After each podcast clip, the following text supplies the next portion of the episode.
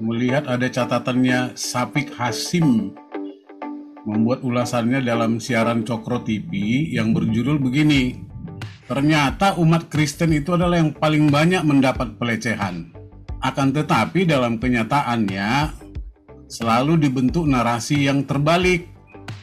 Seolah-olah umat yang paling banyak penganutnya ini justru dipersekusi, dikalahkan oleh umat yang jumlahnya hanya seupil.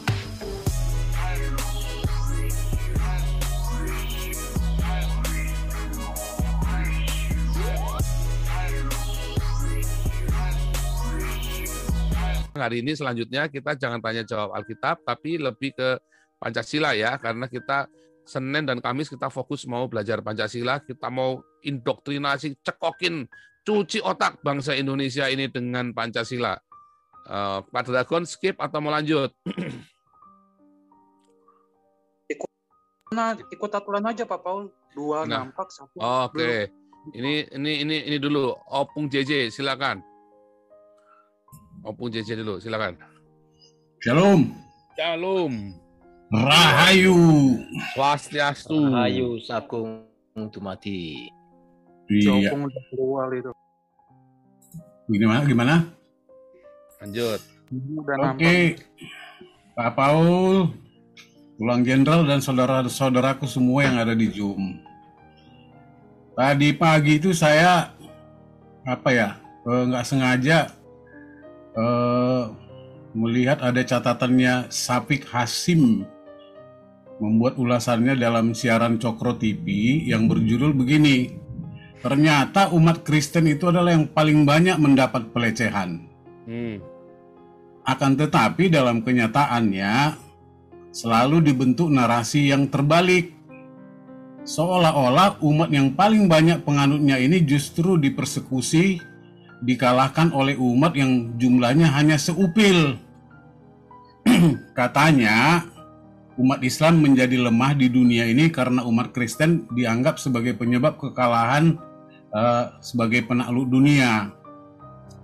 Nah, jadi di dalam hal ini umat Islam uh, di Indonesia merujuk rejim Cina yang memusuhi umat Islam Uighur. Kemudian umat Islam yang ada di Palestina kehilangan tanah airnya dan macam-macam lah ya menjadi acuan mereka dan penilaian ini didasarkan hanya kepada perasaan saja bukan kepada data yang ada. Hmm. Mereka menolak teknologi produk teknologi dan produk negara kafir tapi belum ada teknologi apa pun yang dikembangkan oleh kelompok Islam seperti ini bagi kemaslahatan dunia sebagai rahmatan alamin gitu ya. Padahal bangsa ini bahkan bangsa Arab pun ya banyak menggunakan teknologi dan produk dari negara kafir gitu ya. Hmm. Nah kenyataannya menurut uh, Sapik Hasim ini sebagai pengajar pada FISIP UIN, dia mengatakan bahwa umat Islam di Indonesia berpikir, beranggapan dan berasumsi untuk membangun sebuah wacana bahwa mereka lah yang menjadi sasaran kebencian dan paling dikorbankan di muka jagat atau di dunia ini dibandingkan dengan umat beragama lainnya. Nah, kalau kita kembali kepada sejarah menunjukkan bahwa umat Islam adalah sebagai penakluk dunia telah merampas wilayah-wilayah yang dihuni oleh Nasrani, Yahudi, dan agama lokal lainnya.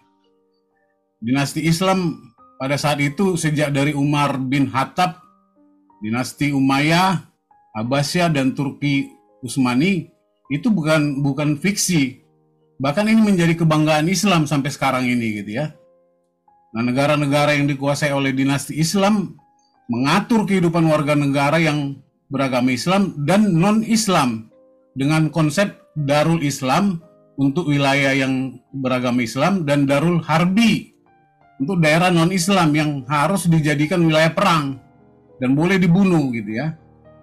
Nah, ingatan mereka ini selalu mentok kepada perang salib dan melupakan aneksasi sejarah penaklukan dinasti Islam ke wilayah-wilayah Kristen, Yahudi, dan Nasrani.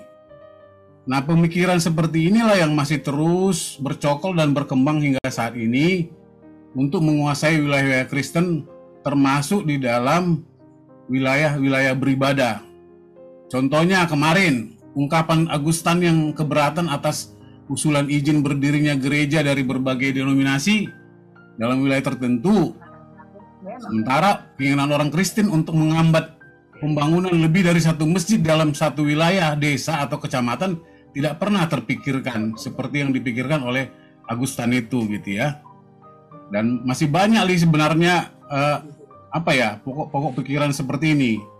Nah yang kedua ada ada juga tadi pemberitaan surat kabar uh, yang disampaikan oleh Ahmad Saiku ya dari PKS minta dukungan dan kerjasama dengan Gerinda dalam hal mengawal RUU Perlindungan Ulama di Badan Legislatif supaya mendapat persetujuan dan pengesahan dalam waktu sesingkat-singkatnya. Kemudian Presiden PKS Sohibul Iman mengemukakan alasan untuk mengusulkan RUU tersebut antara lain adanya perlindungan terhadap ulama dan tokoh agama yang diduga paling rentan mendapat ancaman baik fisik maupun maupun non fisik. Nah pertanyaannya apakah yang akan dilindungi ini hanya ulama atau tokoh agama, agama Islam? Lalu perlindungan yang serupa untuk biksu, pendeta, pastor dan gembala tokoh agama yang lain, apakah itu tidak diperlukan? Kemudian yang kedua, tokoh ulama dan tokoh agama paling sering katanya mendapat tindakan kriminalisasi oleh penegak hukum akibat dakwah yang mereka mereka sampaikan. Apakah ini dikaitkan merupakan upaya proteksi yang berkaitan dengan Habib Rizik atau ustadz-ustadz yang akan ditangkap karena penistaan agama lainnya? Dan kemudian uh, Sohibul Imam ini mengutip pasal 1 ayat 3 Undang-Undang Dasar Republik Indonesia tahun 45 yang dikatakan di sana, karena itu hukum harus ditegakkan dan tidak boleh ada perlakuan yang merugikan dan mengancam hak kebebasan orang lain. Lalu apakah tindakan beberapa habib, ustadz, dan para mualaf yang telah dan akan melakukan perbuatan pidana tidak terjerat dalam pasal konstitusi ini? Nah, dan yang selanjutnya, katanya ulama dan tokoh itu dianggap sebagai simbol agama yang memiliki kedudukan terhormat di mata masyarakat. Sekalipun terjebak dalam perbuatan hukum atau tindakan pidana sepertinya mendapat perlakuan khusus dalam penegakan hukum atau pemerintah nanti bisa-bisa dituduh melakukan upaya kriminalisasi.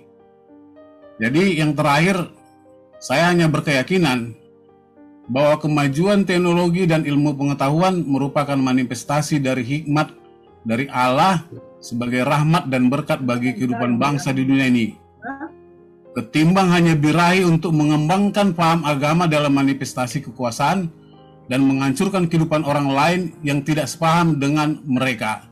Itu saja mungkin yang perlu saya sampaikan Pak Paul untuk sore ini sebagai bahan pembahasan kita. Terima kasih Pak Paul, terima kasih semuanya teman-teman.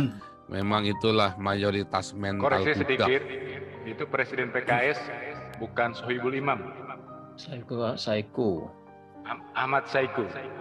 Baik, mungkin saya salah mengutip. Mohon saya dikoreksi untuk itu. Terima ya, kasih Pak Gajah Mada. Ya, benar, Pak.